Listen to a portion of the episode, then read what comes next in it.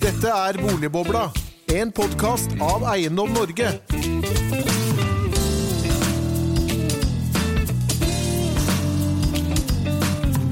Hjertelig velkommen til en ny episode av Boligbobla, denne gang om tilbudsside spesial.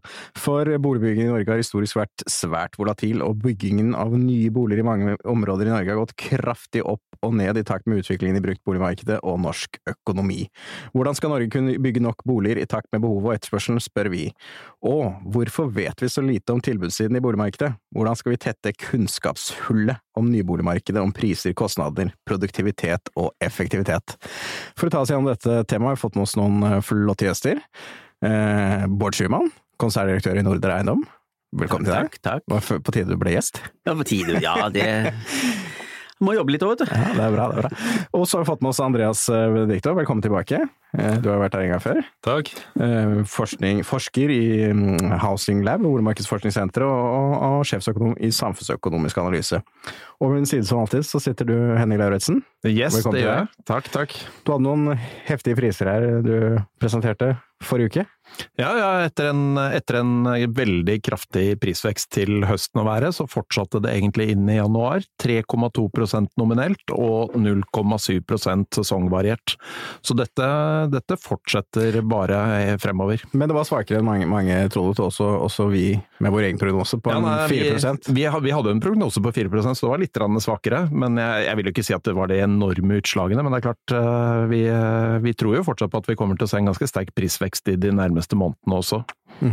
Men Bård, eh, heftig aktivitet eller, og, og pris, prisvekst i bolig, bruktboligmarkedet er vel godt nytt også for dere som driver med nybolig? Jo, det er jo det, men samtidig så er jeg, er jeg ikke så veldig glad i den type markeder, for det blir sånn boom bust-markeder, og jeg er ikke så glad i det. Jeg liker litt mer sånn stige rolig med lønns- og prisvekst oppover. Men det er jo en slags illusjon.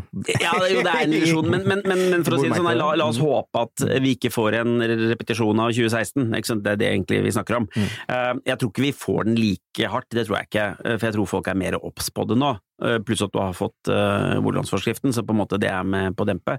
Uh, men det er klart at uh, det er jo ikke noe morsomt det som vi opplever nå. for det, det blir jo den der sånn krigen også, mellom politikere på den ene siden og oss på den andre siden, som står og sier at ah, men dere regulerer ikke nok, og de kjefter på oss den andre veien. Så det, det blir ikke så veldig konstruktivt. Det syns jeg ikke noe særlig om. Men samtidig så er jeg blitt litt lei den diskusjonen også. Ja, det, det, er, det, er, det er samme diskusjon som har gått det siste Ja, tiåret, det er det. er Du, du er sånn- ikke den eneste. Du er ikke den er eneste. Men man kan aldri gjenta et godt budskap mange nok det er noe med det. Men, eh, men uavhengig av det, så er det vel sannsynlig nå at vi kommer til å se altså Det er et godt salg i nyboligmarkedet, hører. Vi- Det var veldig godt de siste kvartalene. Det gir jo en boost for bolig, boligbygging. Det gjør det, ja, men de gjør det, og det, det, og det er helt klart. Og så må vi snakke, når vi snakker om boligmarkedet, dette har vi snakket om mange ganger før også, det er jo at det er jo ikke ett marked, det er jo mange markeder. Og, og Oslo er i en særstilling. Resten av landet er ganske sånn, det er, det er bra marked, selger bra i Trondheim nå, Bergen tikker av gårde, Stavanger også er litt sånn bedre enn det har vært før. Sånn at det, det blir blir reddet bedre. av nullrenten. Ja, ja, men det er klart at Stavanger trengte litt hjelp nå. Men, men det jeg har lyst til å si er at jeg tror tilbudssiden er så mye mer stabil andre steder i landet da, enn akkurat Oslo. Uh, og derfor så er ikke det noe så stort problem. Skal jo ikke lenger enn til Lillestrøm. ikke sant? Altså, Lillestrøm kommune nå har jo regulert så mye boliger at uh, det ville overraske meg om det får en sånn ekstrem uh, prisdrivning fremover. Hvis de får en stor prisvekst, så er det fordi at det, det kommer fra Oslo, for å si det sånn. Mm, mm. Altså den der litt sånn, ja, at Oslo drar opp, drar opp mye, da. Men uh, før, vi fortsetter, så må du fortelle litt om Norder. Norder! Eiendom. ja, nei, ja, nei vi, kaller det ikke eiendom engang, det er bare Norder. Eh, høres mye bedre ut. Uh, nei, det er, jo, det, er jo, det er jo ikke noe nytt selskap, men det er jo spennende. Vi fikk jo kjøpt Veidekke eiendom i fjor sommer, overtok det i september. Med stor aktivitet, 18 000-19 000 boliger som kan bygges de neste årene. To tredjedeler i Sverige, det er jo dobbelt så stort som Norge, sånn blir det. En tredjedel i Norge.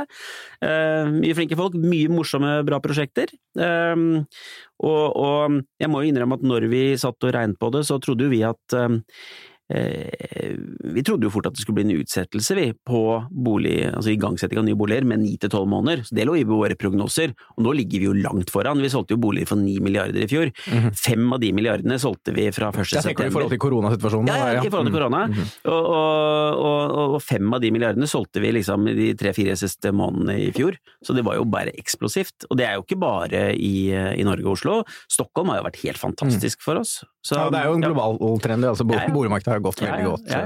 Jeg satt uh, akkurat og snakket med, med, med, Sverige om det før jeg kom hit, nemlig, og det, det er jo ingen som klarer å forklare det. Og du kan si det sånn, i Sverige uh, Man snakker om at det er renten som er med på å dra det. Ja da, selvsagt er det det, men i Sverige har jo nullrente. Ja. Men har ganske kraftig prisvekst, for å si det sånn. Svenskene hadde 6 i fjor, de òg, og det, ja. Mm. Ja, vi ser jo det samme i Danmark også. Ja. Så det er liksom, det er ikke bare det at renta er Den, den har vært lav før òg. Mm. Men Andreas, hvorfor i all verden vet vi så lite om nyboligmarkedet? Og tilbudssiden i boligmarkedet? Ja, nei, det, er, det, er, riktig det. Det er jo, som vi har vært inne på, så er det ikke noe rart at dette er et hett tema. For det er jo her liksom, nøkkelen til eh, boligprisveksten ligger. I kombinasjon med, med lave renter, selvfølgelig. Da. Uh, og en viktig grunn til at det er veldig begrensa kunnskap og data på, på tilbudssiden, det er jo at veldig mye av den informasjonen egentlig er uh, forretningshemmeligheter. Så det Bård sitter, sitter på, det, det, det, deler han ikke med noen, er det du sier? Ja, Det er i hvert fall ikke helt uh, trivielt å få tak i denne informasjonen, da, for det her er jo aktører som er i konkurranse. Så det er jo forståelig. Det er gjort noen forsøk på å samle inn uh, data hvor det anonymiseres. For det, alle aktørene er jo interessert i hva de andre driver med, sånn at det er jo informasjon i å få tak i noen type gjennomsnittsestimater og sånn. Uh, så, så, det er én av våre tilnærminger i Housing Lab for å, for å samle inn kostnads data, som, er, som, har vært på en måte fokuset i oppstarten av det tilbudssideprogrammet som, eh, Hva er tilbudssideprogrammet, da? Tilbudssideprogrammet? Det er altså det vi kaller den satsingen vi har på, på å skaffe mer kunnskap om tilbudssiden i boligmarkedet. Eh, og nå har vi jo ansatt eh, en eh, veldig flink person i høst, som, som skal ta doktorgrad på tilbudssiden, Ninni Barth. Så det er veldig bra. Og vi har samlet inn en del data. Vi har nå kikket på Norsk prisbok, som er en sånn veldig detaljert oversikt over kostnadssiden, og systematiserer den til, til, til vårt formål. Og så er vi også veldig interessert i en annen kostnadskomponent i tillegg til byggekostnadene, nemlig tomteprisene. Mm. Som det er mye interesse knytta til, og som det er vanskelig å få ordentlig tak i. Og så har vi i tillegg da noen uh, forskningsprosjekter hvor vi skal bruke uh, disse byggekostnadene da, som en del av, uh, av inputen. Da har, vi, da har, vi, forelsket oss litt i et par sånne eh, sentrale konsepter i økonomifaget. Uh, Philips-kurven, som, er, som, sier noe om sammenhengen mellom knapphet og pris. Mm. Og Tobins Q, som sier noe om sammenhengen mellom kostnader og pris. Og så bruker vi disse konseptene på boligmarkedet da, for å se om vi kan se igjen de samme sammenhengene der. Hva, hva har dere funnet ut foreløpig, da? Uh, jeg kan jo starte med tomtepriser, kanskje. Eh, for det, det, er det veldig vanskelig å finne gode mål på. Det er, få, det er lite omsetning av ledige tomter, i hvert fall. Sånn type Oslo i byene. Så er det, det er ikke så mange representative tomter som, Fordi som selges. Fordi de er i tomtebanken i Gjelleborg, er det ikke? Ja. Jeg snakker med deg etterpå. og så har du disse store prosjektene ikke sant, som de store utbyggerne holder på med. og Der er det en veldig sånn kompleks prising med opsjoner, mm. og, og, og, prisene kan forandres etter hvert som man vet hvordan reguleringene blir og utnyttelsesgraden blir og sånn. Og kanskje bare i beste fall så vet man hva tomteprisen er lenge etterpå. For det kan jo ta årevis. Og... Lenge etter både transaksjonen, men også lenge etter prosjektet er realisert. Ja, ja det er helt riktig. Så, så, dette er ikke helt enkelt. Da. Så Det som på en måte har vært den enkle standardtilnærmingen, det er uh, såkalte residualmetoden, da, hvor man tar boligprisen og så trekker man fra byggekostnader og, og et sånn profittmargin, kanskje. da. Så... Det kjenner vi jo til, for det er mange som bruker vår boreprisstatistikk til, til, det. ja, nettopp. nettopp. Uh, blant annet vi. Uh, men så har vi en uh, take til da, som vi syns er veldig spennende. Og det er eh, noe vi har kalt for eh, eplehageindeksen. Mm. Eh, Og da tar vi utgangspunkt i transaksjoner hvor det er en, et organisasjonsnummer, altså en profesjonell aktør, da, som kjøper en tomt. Og da har vi satt en øvre grense da, på hvor stor den skal være. Type eplehage, altså. Eh, og så er tanken da at eh, her kommer det noen inn, kjøper et tomt med hus, river eller rehabiliterer eksisterende, bygger nye boliger. Eh, og Det kan vi også se i, i statistikken. Da, om det Men, er, men der ja. slipper det vel problemet med de komplekse kontraktene på Eplehagen. Der får det på en måte mer en ren pris. Nemlig. Da, da slipper vi det. Men og, problemet her er jo at eplehagene, det er jo en liten nisje. Nemlig. Du finner ikke så mye eplehager på Aker Brygge, f.eks. Så da må vi konsentrere oss om de områdene hvor dette eksisterer. Ja, fra, det er jo eplehager i ganske mange bydeler, overraskende mange bydeler i Oslo egentlig. Så er det eplehager. Så, men det er ikke så mange hvor det er liksom nok eh, transaksjoner da, til at vi får, får gode tall. Men eh, vi ser i noen bydeler, f.eks. Nordstrand, så er det en del eh, sånne type transaksjoner. Da. Bare for å nevne ett eksempel. Eh, og her har vi gjort noen beregninger og, som ser lovende ut, og som er liksom i samme verden som det man finner med, med residualmetoden, for, for eksempel, da. Så, så vi tenker at vi på en måte er på, på sporet av noe spennende her. Foreløpig her, da? På, på, som dere har funnet ut av? Ja, du tenker på, på tall? På tall, ja. Ja, tall. Eh, ja, jeg, jeg har ikke de eh, Det er hemmelig. Det er hemmelig. det er hemmelig, ja. Nå skal vi ta igjen. Ja. Men vi ser at de, de har steget eh, mye, selvfølgelig. Og det Mm. henger jo sammen med det vi snakker om. ikke sant? At når det er stor, eh, stort etterspørselsoverskudd, så tyter det ut i, i tomteprisene da, i, i praksis. Eh, så, så, det, så det kjenner vi jo veldig godt igjen her, da. Men jeg, jeg hørte et foredrag her for et par år siden, Bård. Det var vel rett etter 2016. Da sa Mattis Grimstad i Stor-Oslo Eiendom at eh, 2016 var jo kjempebra. Men de pengene vi tjente, de gikk jo bare ut i tomt. Ja, det kan du si. Jo, men de gjør jo det. Og du, du kan si det sånn, eh, tomteprisene har jo eksplodert, eh, spesielt i Oslo. Eh, jeg husker i 2014 var det vel, så kjøpte jeg en tomt på, på Løren til 13 500 kroner per salgbare meter. Alle syntes jeg var gæren. Det må, må, måtte jo gå ordentlig ille. Så du får nesten ikke noe under 27 nesten 30 000 kroner meteren nå, i tomt der. Så det? Det, det har jo dratt på. Og et godt eksempel der er jo at i gamle dager, sånn 15 år siden eller sånt nå, så regnet vi jo at, at av utsalgsprisen da, så var kanskje 15% var tomt. 65% var entreprise, Mm. og så var det litt andre kostnader, og så var det en, var det en fortjeneste på en sånn 10-12-15% på toppen. Eh, Det interessante nå er jo at nå er eh, ofte Eller nå nærmer jo tomtekosten seg fort. Eh, Samme som entreprisekostnaden. Den kommer til å ta igjen Ja, den entreprisekostnaden Ja, ja. i Oslo i løpet av noen år, antagelig? Ja, jeg tror den gjør det. Ja. Og den blir, det, blir, det blir jo som i New York, ikke sant? Hvor, hvor tomten koster to-tre ganger så mye som det koster å bygge. Mm. Så, og det kommer vi til å oppleve. Men da snakker du tomten er liksom 50% eller 40 Ja, altså, ikke sant? Nå, er de, nå, nå kan du si at nå er entreprisene kanskje på 50 da. Mm. Eh, 40 45, litt avhengig av hvor du snakker om å bygge. Vi er jo på, vi har jo tomter i Oslo i dag. Altså Marienlyst park, når, når Ferd kjøpte det, så er jo det fort en pris på 50 000 kroner meteren. Byggekosten der tipper jeg rundt 50 000 kroner også. Mm. Ja, same same. Så det begynner å, bli, det begynner å bli voksent. Og det er klart at da får du en utfordring også på finansiering, fordi at måten man finansierer tomtekjøpene på er jo stort sett sånn, Nå snakker vi veldig sånn runde kuler, men det er 50% egenkapital og 50% bankfinansiering. Så setter du i gang og kjører prosjektet. Når du har nådd 50-60% forhåndssalg på det første byggetrinnet, da får du fullfinansiert det byggetrinnet. Så skal du ikke inn med noe mer egenkapital. Men det kommer jo til å bety det med de tomteprisene vi snakker om nå, er at de små aktørene blir færre.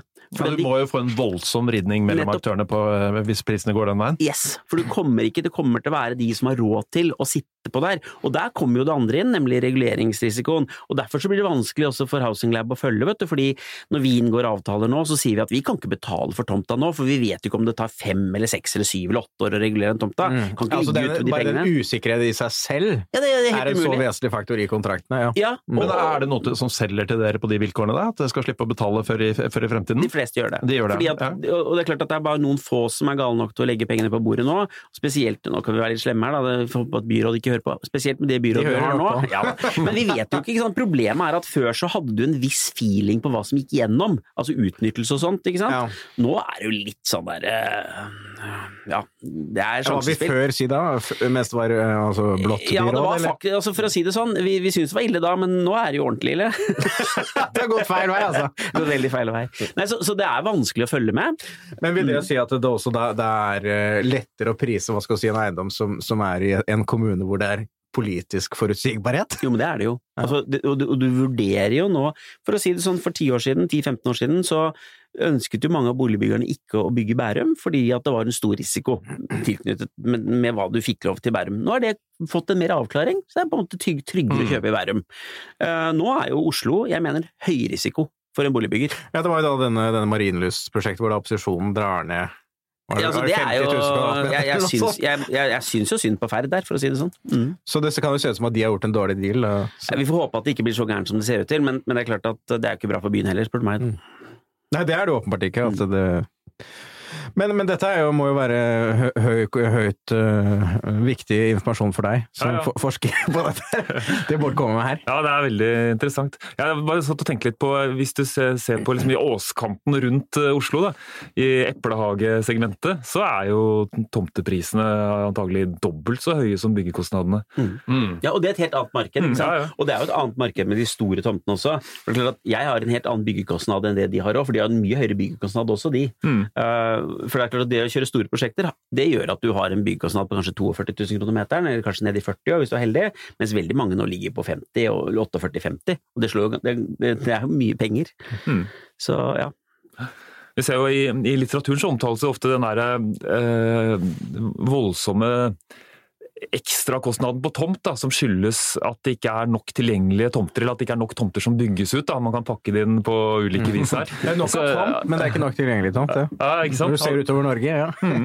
Så det prispåslaget da, det omtales ofte som en sånn eh, regulatorisk skatt, som riktignok ikke tilfaller myndighetene, men tomteeierne, som i og for seg også da kan være myndighetene, selvfølgelig. Da. Eh, og her er det gjort noen eh, forsøk på, på å estimere i USA, hvor man da tallfester størrelsen på denne sånn regulatorisk skatt. Da. En sånn form for indirekte overføring til tomteeierne fra, fra fellesskapet. Riktig. Fantastisk. og da kan du tenke deg at den er selvfølgelig overveldende stor i, i byer som New York, San Francisco og Los Angeles. Og kanskje ikke-eksisterende i en by som Detroit, for eksempel. Mm. ja. Hvor det er decline. Ja, ja. Ja, ikke sant? Så, så dette er også noe som vi har på agendaen i Housing Lab, å prøve å estimere det. Og Det som er eh, kanskje den beste tilnærmingen her, da, det er å skille mellom det som kalles for intensiv og ekstensiv margin, altså hva eh, tomteeieren vil ha for å kvitte seg med en kvadratmeter tomt, Mm. og det som en oppkjøper eh, er villig til å gi. Og hvis I et velfungerende marked så skal, den, de skal, skal de være like. Mens i praksis, og da særlig sånn som i Oslo, da, så er det åpenbart eh, en stor differanse mellom disse to. Som, eh, Der skulle man jo hatt en indeks på, på en måte de største pressområdene i Norge. Det hadde vært helt fantastisk. ja, ja, ja, men det, Dette er jo eplehageindeksen, så vi Ja, håper å lage Tanken er å konstruere den sånn at den kan eh, oppdateres hyppig. Og så kan vi ha det på en sånn type dashbord på, på hjemmesiden til Housing Lab. Man kan gå inn og sjekke ikke sant? sammen med den eh, bobleindeksen til, eh, til André som ligger der allerede. Da. Men er, er dette eplehagefenomenet først og fremst hva skal si, et østlandsfenomen, eller finner du det andre steder i, i Norge også? Ja, du, du finner vel det i de fleste byer. Eh, Så vi har tenkt oss å undersøke alle de store byene i første omgang. da. Så vi har kikket litt i, vi, i eh, Stavanger blant annet. eh, Uten at jeg, vi har, jeg har ikke noen tall dessverre å gi dere riktig enda, så jeg får komme tilbake seinere. Så, så den foreløpige konklusjonen det er, det er at tomteprisen det er viktigere for å få til mer, hva skal du si, bygge mer og få til en mer velfungerende til, tilbudsside enn en byggekostnadene, eller? Ja, det, er, det er viktig å ha oversikt over, eh, over begge deler, da, selvfølgelig. Og så er det jo Vi veit jo hva løsningen er på disse høye tomteprisene. Det er å regulere mer. Flere tomter. Den diskusjonen orker ikke Bård å ta i det, dag. altså, nei, men jeg vil ikke si en ting. Altså, det er klart at det, det, det å ha eid en tomt, eller arvet en tomt i Oslo, som du kan selge til type store utbyggere, det er blitt mange millionærer av det de siste årene. Altså. Men nå, må man jo, nå skal jo skattemyndighetene ta de, ta de da, for det er ikke bolig. Nei, men, heldig, de, de fleste av de har jo fått råd om å legge det til et AS i god tid uh, før ja. det, så de kommer unna med 22 i hvert fall. Så, ja. men øh, hvordan ser liksom ståa ut nå, da, på det regulatoriske, akkurat hvor vi står her og Snakker vi Oslo? Ja. Nei, men det er jo katastrofe. Altså, hvis vi går gjennom det, og dette her er tall som byrådet får presentert i morgen. Det er 6200 boliger som er ferdigregulert som kan bygges ut i Oslo de neste årene. Mm. Det er ikke mye i det hele tatt. Og da har vi tatt bort alle Det er to, toårsproduksjon eller sånn? Ja. ja. Og da har vi tatt bort eh, Vi har tatt bort absolutt alt som har med, altså som ligger 10-15 år frem i tid. Gjersrud Stensrud, ikke sant, Furuset kommer lenger tid. Vi har, øh, da har vi tatt ut øh, Filipstad. Altså, ingen skal fortelle meg at Filipstad kommer til å bli bygd på de neste seks-syv årene, øh, med den farten som vi har nå. Ikke sant? Skøyen ligger alt, alt sånt. Det er jo masse som burde kommet, som ikke kommer. Så altså, mange av de arealene som er i kommuneplanen, de er ikke realistiske innenfor Nei, altså, ti år? De, de, de er jo i utgangspunktet realistiske, men ikke med det tempoet både plan og bygg og rådhuset har for øyeblikket. Um, og de Jeg, kunne fortalt en del historier, men jeg skal ikke gjøre det, for det blir så pinlig for byrådet. Ja, hvorfor men, kan du ikke ta det? Nei, nei, men ja, vi ta, jo, vi ta, Nå skal vi ta én pinlig historie! Og den her er helt katastrofal, egentlig. Dette her er fra byutviklingsutvalget eh, før jul. Um, som hadde Skanska sin utbygging på Løren, som heter Borgen, oppe. Da kommer det et forslag fra Venstre og Rødt sammen, som sier at nei, dette hadde da Skanska jobbet i fire år med å forhandlet med plan og bygg. Den var forankret hos by, byråden, så de alle syntes dette var fint. Så skulle den til komiteen. Og komiteen finner da ut enstemmig at de ville ikke at noen soverom i boligen skulle ligge mot uh, gaten, altså mot uh, støyutsatt side. Det var byutviklingskomiteen, så ja. såpass detaljert ja. inn i det. Og det vedtok de. Og da blir den sendt, sendt med tilbake, den innstillingen. Ja. Nei, det er ikke sendt tilbake. Sendt med den innstillingen til bystyret. Å oh ja. Og det mhm. kan de vedta? Det kan de vedta. Men heldigvis, da, så tok jo noen til vett og skjønte at dette er Men det viser jo egentlig hvor lite kompetent utvalget er, når en enstemmig komité klarer å vedta noe sånt nå. Det er det jeg sier, nå, nå, nå, blir de sikkert sure på meg, men altså poenget er at det er jo det her vi har eh, valgt inn. Uh, og det er ikke rart det går gærent. Samtidig så viser det en sånn slags risiko ved det parlamentariske systemet i disse spørsmålene, rett og slett. Ja, det, er, det, er, en kjempekatastrofe, ikke sant. Fordi at altså, eh, du skulle jo altså, Det parlamentariske systemet i forhold til boligbygging i Oslo er jo helt håpløst. Det er jo enklere i Trondheim, hvor du på en måte mm. har Men det er Oslo-Bergen da som har byparlamentet. Oslo-Bergen er et problem i mm. akkurat den måten der. For det er litt sånn Men da er jo dette, dette her er jo et strukturelt problem som egentlig man burde, burde gjort noe med, da. jo, og så burde det være sånn at når, når Altså Politikerne må, gjerne, må, jo ha sine meninger om høyder og hva som skal bygges osv., men det er klart at det å gå inn i detaljer som plan og bygg har brukt fire år på å komme frem til, er fornuftig. Mm hvor mye skal du da begynne å pelle bort i det?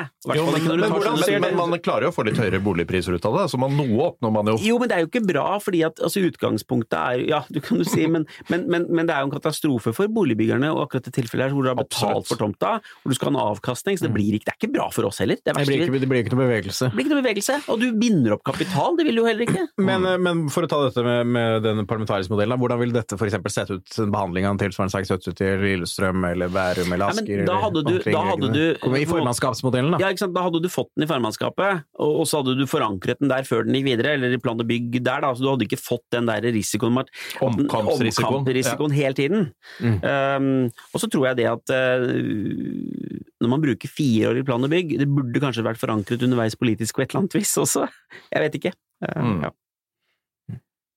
Nei, det er jo nedstemmende dette man hører her. Men uh, hvis du da sier det er 6000 boliger tilgjengelig nå eh, innenfor den regulatoriske på kort sikt, så, så, og med den salgstakten vi nå har sett da, som du forteller om her, og som vi også har sett av flere prosjekter nå så langt i januar, at ting bare rives jo vekk, så, så, så blir det jo en sånn 2016-situasjon. Sannsynligvis hvor, hvor, alle eplene i butikken mm, mm. vil bli solgt ut. Kanskje i nyboligmarkedet nå her på, på Østlandet, kanskje ganske fort, da. Jeg tror det. Altså, og det, det vi har jo eh, to-tre store prosjekter under regulering i Oslo. Jeg håper noen kommer i år og eh, på en måte adder til de 6000, men jeg, jeg, liksom, jeg, vet jo ikke. Det skulle vært regulert allerede, mm. men ja. Jeg håper at det kommer Det må jo komme noe, noe, regulering ekstra, må komme på toppen. Si at byrådet klarer å regulere 2000 boliger i år, da. Mm. Så er vi oppe i 8000, men allikevel så er det ganske lite. Fordi at det som er problemet også med de 6000 boligene som er regulert nå, er at de ligger ganske konsentrert i en ja, seks til åtte prosjekter. Bjørvika, mm. Ulven, uh, Frysja, uh, Løren altså Det ligger veldig konsentrert, og dermed så, så vi vet jo at Det er begrenset, du, det er begrenset hva, du kan pøse ut av. Par tusen i året maks du får solgt ut ja, på de prosjektene. Noe, du får ikke noe mer enn det, vet du. Mm. Og, og, da, ja, vi vet jo hva som kommer til å skje.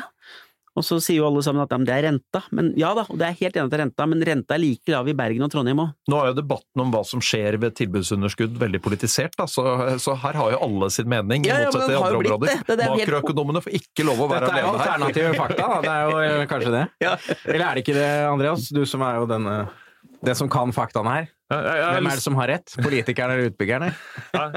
Det er et interessant spørsmål altså, som, som vi skal undersøke nærmere i eh, Samfunnsøkonomisk analyse. For der har vi et prosjekt hvor vi skal eh, intervjue store bykommuner og så kartlegge hva som faktisk finnes av reguleringer. Eh, så det vet vi også mer om eh, på et senere tidspunkt. Eh, men det, skal, det, pågår nå, eller starter opp nå. Så der skal vi være ferdig før sommeren. Mm. Så det blir, det blir veldig spennende, og det vil jo være nyttig info inn i denne debatten her, selvfølgelig. Mm. Uh, og så kan jeg legge til at Vi, vi lager jo uh, konjunkturanalyser og prognoser i samfunnsøkonomisk analyse. og da, da, legger vi mye vekt på sammenhengen mellom befolkningsvekst og boligbygging. Og da ser du jo, Hvis du ser på Norge samla, så ser du at det bygges egentlig veldig mye i forhold til befolkningsveksten. Bygges for mye, vil noen kanskje også påstå? Ja, det, det, er nærliggende å tenke seg at det bygges kanskje for mye, sånn at eh, det er renta som holder prisveksten i gang nasjonalt. Mens når vi ser på, Norge, nei, på Oslo, så er det et helt annet bilde. Der har vært bygget altfor lite i veldig mange år. 20 år? Det vil vi si. kanskje, kanskje, så lenge. Men, og, der, der... og, da bygger det seg opp et, eh, et, stort eh, underskudd, ikke sant. Mm. For der har ikke byggingen fulgt med når befolkningsveksten tok seg veldig opp på begynnelsen av 2000-tallet, når vi åpnet opp for arbeidsinnvandring fra Øst-Europa osv. Så, men her har vi også et, eh, et forskningsprosjekt som har kommet litt lenger i Housing Lab, som, som, belyser dette. Og Det var det jeg nevnte med Housing Phillips Curve. Ja. Altså og vi ser på sammenhengen mellom knapphet, altså et tilbud, da, og, og, pris. Uh, og Da har vi tatt utgangspunkt i det uh, legendariske arbeidet til Philips da, fra, fra 1958, som, som, så på sammenhengen mellom arbeidsledighet og, og, og, pris- og lønnsvekst. Og Da har vi lagd en analogi til boligmarkedet, uh, hvor da usolgtraten tar over for arbeidsledighetsraten, og så er det boligprisen da, selvfølgelig istedenfor mm. for lønninger. Og Da finner vi en eh, klar sånn Philips-kurvesammenheng mellom uh, usolgtraten og, og, boligpris. Uh, men det som er litt spennende, er at vi finner motsatt kausalitet. Altså at årsaken går fra pris til knapphet, og ikke knapphet til pris, som ja. man mm. ofte skulle kunne forvente. Da. Uh, og da har vi en forklaringsmodell da, som er konsistent med, med, det. Og det er nettopp at når boligprisene stiger mye, så er det Altså, når du skal kjøpe en bolig, og du har en fra før av, så må du bestemme om du skal kjøpe eller selge før du kjøper ny, ikke sant? Mm. Uh, og Da blir du sittende enten med null eller to boliger i en periode. Og Hvis boligprisene stiger veldig mye, så virker det mer attraktivt å, å sitte med to. Og omvendt, hvis boligprisene faller, så er det litt skummelt å, å sitte med to. Uh, og da, da, har vi fått noen eh, fine data fra Eiendomsmegleren og Prognosesenteret som, eh, som, viser eh, den andelen som kjøper først, over tid. Og Da ser vi en sånn klar sammenheng da, hvor det er sånn at når det er moderat vekst i boligprisene, så er det heterogenitet i beslutningen om å kjøpe eller selge først. Noen eh, velger det ene, og andre velger det andre. litt ut fra... Da står du liksom friere, da? Ja, da kan du på en måte gjøre valget avhengig av hvor, hvor viktig det er for deg å få akkurat det objektet, mm. hvordan finansieringssituasjonen din er osv. Mens eh, når boligprisene stiger mye, så er det veldig mye flere som vil kjøpe først. Og, og også omvendt. da. Og Det åpner muligheten for en sånn uh, feedback-loop, ikke sant? hvor prisen stiger mye, så vil alle kjøpe først. Det er det som skjer nå, er det det? Ja. Og det, ja, ikke sant? Nettopp. mm. Og det var åpenbart uh, tilfellet i 2016, ikke sant? Mm. Og antagelig så er det det som er, eh, som er tilfellet nå også. Men, men ser dere stor variasjon i andelen som, uh, som velger å kjøpe først i, i de ulike markedene? Det er, ikke veldig store, det er ikke så store forskjeller som eh, vi kanskje hadde trodd på forhånd, men mønsteret er veldig tydelig. Da. Ja. Mm. Ja, for De gangene jeg har sett noen tall, så har, så har det, i hvert fall sånn som jeg har tenkt, vært overraskende liten, uh, liten forflytning. Ja, jeg er enig. Jeg hadde på forhånd forventa at det skulle være enda større variasjoner. Mm. Så, men dette har jo noen sånne politikkimplikasjoner også, ikke sant? for det viser jo bare Hvis det er sånn at man kan på en måte holde prisen innenfor et sånn rimelig intervall, så, går, så, så flyter ting av seg selv og markedet fungerer bra. Og så er det ganske store farer knytta til uh, hvis det går for, langt i den ene eller den andre siden, mm. så, så, viser jo det hvor viktig det er både å holde eh, lånemarkedet gående, sånn som man klarte når koronautbruddet ja. var i fjor. Det var jo vi veldig opptatt av. Ja. og det fikk man jo til, og det var veldig, det. Det var veldig viktig. ikke sant? For det kunne blitt en helt annen historie. Det ville vært rasjonelt for mange banker å trekke inn til den uh, mellomfinansieringen. Oh, ja. Og det var jeg tror mange gjorde det en periode. Ja, det var en antydning til, antydning til det. det. Men, ja, det var faktisk noen som uh, antydet at de hadde gjort det. Det er jo kollektivt irrasjonelt. Selv om det er individuelt rasjonelt, så er det kollektivt irrasjonelt. Ja, så her fungerte på en måte eh, tiltakene og styringa etter hensikten. Da. Og det andre er jo det vi har vært innom. ikke sant? Det er viktig å bygge nok sånn at man ikke havner i den eh, fella her. Og så er vi kanskje tvunget til det som vi kan kalle et nødvendig onde. da boliglånsforskriften, mens vi venter på at uh, tilbudssiden ja, Eller nullrenten også er, vel også et problem her? Nullrenten også er et problem. Men, forrykket alt, har det ikke det? Jo, det var jo egentlig en slags sånn perfekt balanse, var det mange som det hadde noen år før her. Ja, men den skal jo, det er begrensa hvor mye den renta kan få til på en gang. Da. Så når ledigheten er høy og usikkerheten stor, så er det kanskje andre hensyn som veier tyngre, så må man bruke andre virkemidler for å håndtere boligmarkedet. Mm. Det er én ting du kan få i, i, boligmarkedet i Oslo, som du hadde i 2016 også. Det var jo utrolig mange boligbyggere som begynte å pumpe ut prosjekter som ikke var halvregulert. Ikke sant. Ikke sant. Eh, altså, begynte å selge, da. Eh, ja, altså, ja selge. Altså, de, de, solgte jo boliger som eh, ble regulert et år senere og sånn, ikke sant. Altså, og det, det, er jo ganske høy risiko, du, og spesielt nå.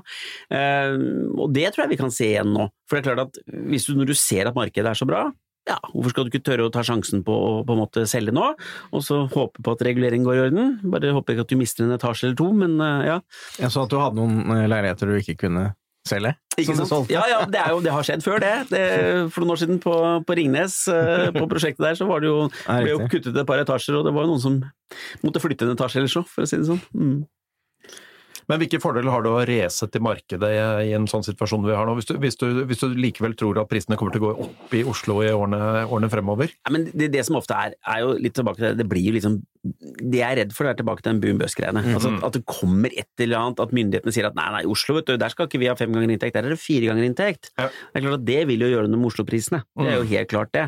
Uh, samtidig så tror jeg jo denne familiebanken nå dessverre er så sterk. Ja, den, er et, den, den skaper et klasseskille ut fra de som har og de som ikke har foreldre som kan bidra, mm. men den er utrolig sterk, altså. Den kan gå mot å bli Norges største bank? Ja, den, den er vel på vei til å bli det allerede. Altså, du, du, det altså, Gjeldsgraden i snitt i norske husholdninger eh, over ett er vel 40% eller noe sånt, ja, ja. så det er, jo, det er, jo, mye å gå på. Det er, mye, men det er nettopp det der, det er mye å gå på, så lenge du har foreldre som bor i steder hvor boligen har en verdi.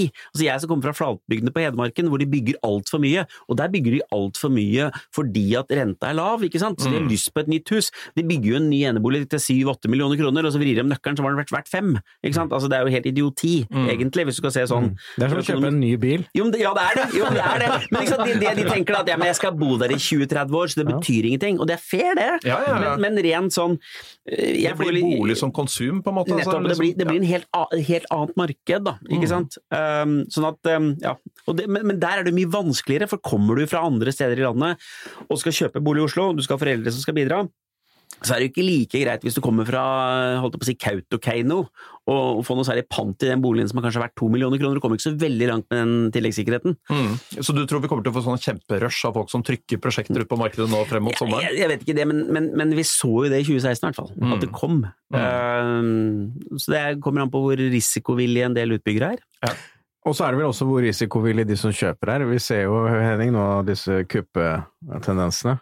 Ja, som er tilbake der hvor det var. Og du, du presenterte jo også noen tall her på, på vår pressekonferanse. Til skrekk og advarsel, vil man kanskje kunne si? Ja, ja Vi tok jo et lite uttrekk av, av småleilighetene. De som var 40 kvadratmeter under, som var solgt i, i fjerde kvartal 2016 og resolgt. Og der var det jo altså 39% som, som var solgt med, med tap. Og, og, sannsynligvis høyere også? Eller? Ja, sannsynligvis mye høyere, for vi, vi, tok jo ikke med omkostninger i det hele tatt. Og, og, det viser vel litt av den situasjonen vi kan, kan være i øyeblikket i, i sånn som Oslo.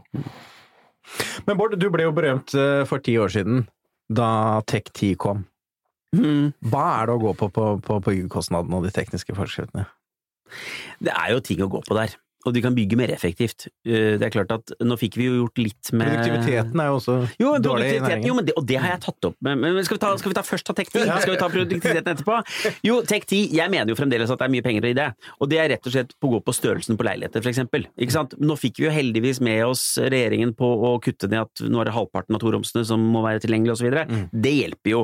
Men det er klart at eh, hvis vi kunne få lov å bygge enda mindre leiligheter Jeg mener jo at det burde være, et, burde være helt greit å bygge 25-30 kvadratmeter solleiligheter. Ja, det går jo an å bygge nå 20 kvadratmeter med Jo. Tech17, da. Jo, men det går, ja, ja da, noen, noen gjør det, men, Mm. men liksom, du får sånn Du får en liten utfordring med det, Mm. men med bad og litt sånt noe. Men, men jeg tror det er penger å tjene på, på, på Tech17, men jeg på en måte alle, alle forskriftene. Men når du snakker om produktivitet, så er jeg helt enig. Altså, der har entreprenøren en jobb å gjøre. Fordi det jeg ser, er at byggetiden bare blir lengre og lengre på prosjektene. Altså, før, før så Altså, snakket vi det om feil vei, da. jo, feil vei. Mm. Altså, vi, for noen år siden så snakket vi om at det tok 18-24 måneder å bygge liksom, 150 boliger. Nå er vi liksom oppe i tre år. Og hva er grunnen til det, da? Nei, det kan du lure på, så kan du sikkert an, så, kan, så sier utbyggerne, at- nei, jo, entreprenørene at jo, det er fordi det er kommet så mye nye forskrifter som vi skal rapportere, vi skal. Det, er- det er sikkert riktig det, men jeg tror også det at vi har rett og slett ikke blitt gode på logistikk og, og det å jobbe i byen, da. Ikke sant? Vi produserer veldig mye offsite som vi skal ha på, på byggeplassen, eh, og den der, den der, der er vi ikke gode nok på ennå. Vi, bør bli, vi, vi må gjøre som kineserne. Altså, vi må bli flinke på den Men biten der. bransjen fikk jo på en måte overtatt ballen etter Bygg 21. Får vi noe ut av det? Nei, vi fikk jo ikke noe ut, av Bygg 21 heller, så det kommer jo ikke til å altså det, Ikke, ikke Byggekostnadsutvalget, heter vel det, det, det forrige. og- jeg, jeg vet hva jeg tror som teller her? Jeg tror det er én ting som teller, og det er at vi, vi får et dårlig marked som tvinger oss til det. Mm. Fordi at så lenge markedet er på vei opp, så har vi på en måte ikke det samme incitamentet da, til Mm. å gjøre det.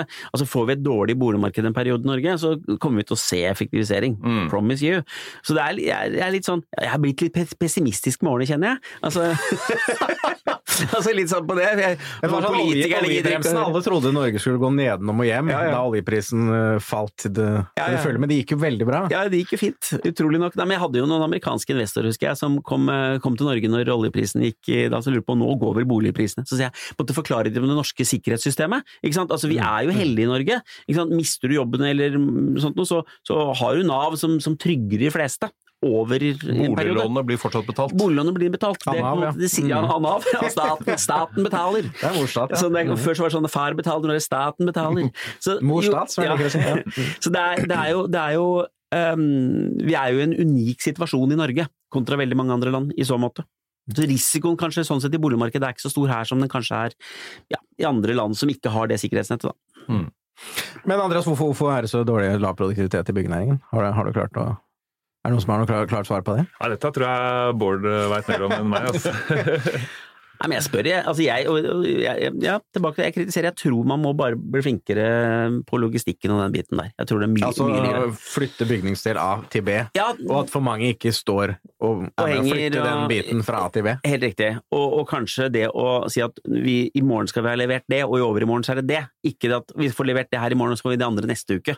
Altså type den flyten der, da. De Men altså, her må det jo være enorme muligheter for Proptech-selskaper Ja, og den type dataanalyser, bla, bla, bla. Yes, og det har kommet mange selskaper som jobber med det, Mm. uh, men det er en konservativ bransje, så ting tar bare litt tid. Mm. Um, og så tror jeg det må bli sånn at, som jeg sier til entreprenøren nå, hvis dere klarer å bygge det her på 24 måneder i stedet for 30 måneder, så sparer dere Dere får samme betaling fra meg, Mm. ikke sant? Mm. Men dere sparer utrolig mye manpower på det, for at 50 Mm. røftlig da, av byggekostnaden på et eller annet tidspunkt er jo eh, lønninger. Mm. Uh, om det er i en fabrikk som lager et eller annet for oss, eller om det er på stedet, så er det jo ja, 50 give and take. Mm. Det er fantastisk. Tiden, tiden løper jo fra oss her i, her i podkaststudio. Um, Henning, hva, hva er det vi har planer om neste uke allerede? Nei, neste uke så, så kommer rett og slett uh, hytte- eller fritidsboligprisstatistikken torsdag den eh, 18. Og da får vi altså tall fra det som jo har vært et veldig spennende år også i det markedet. For Vi kan vel avsløre det at det hyttemarkedet det er blitt en heltidsgeskjeft?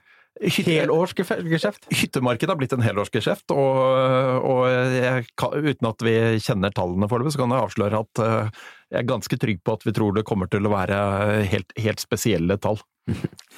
Nei, Det blir veldig spennende. Eh, hjertelig velkommen, hjertelig takk til Andreas Benedicto og Bård Schumann. Vi kommer tilbake før vi tror av det. Takk for denne gang.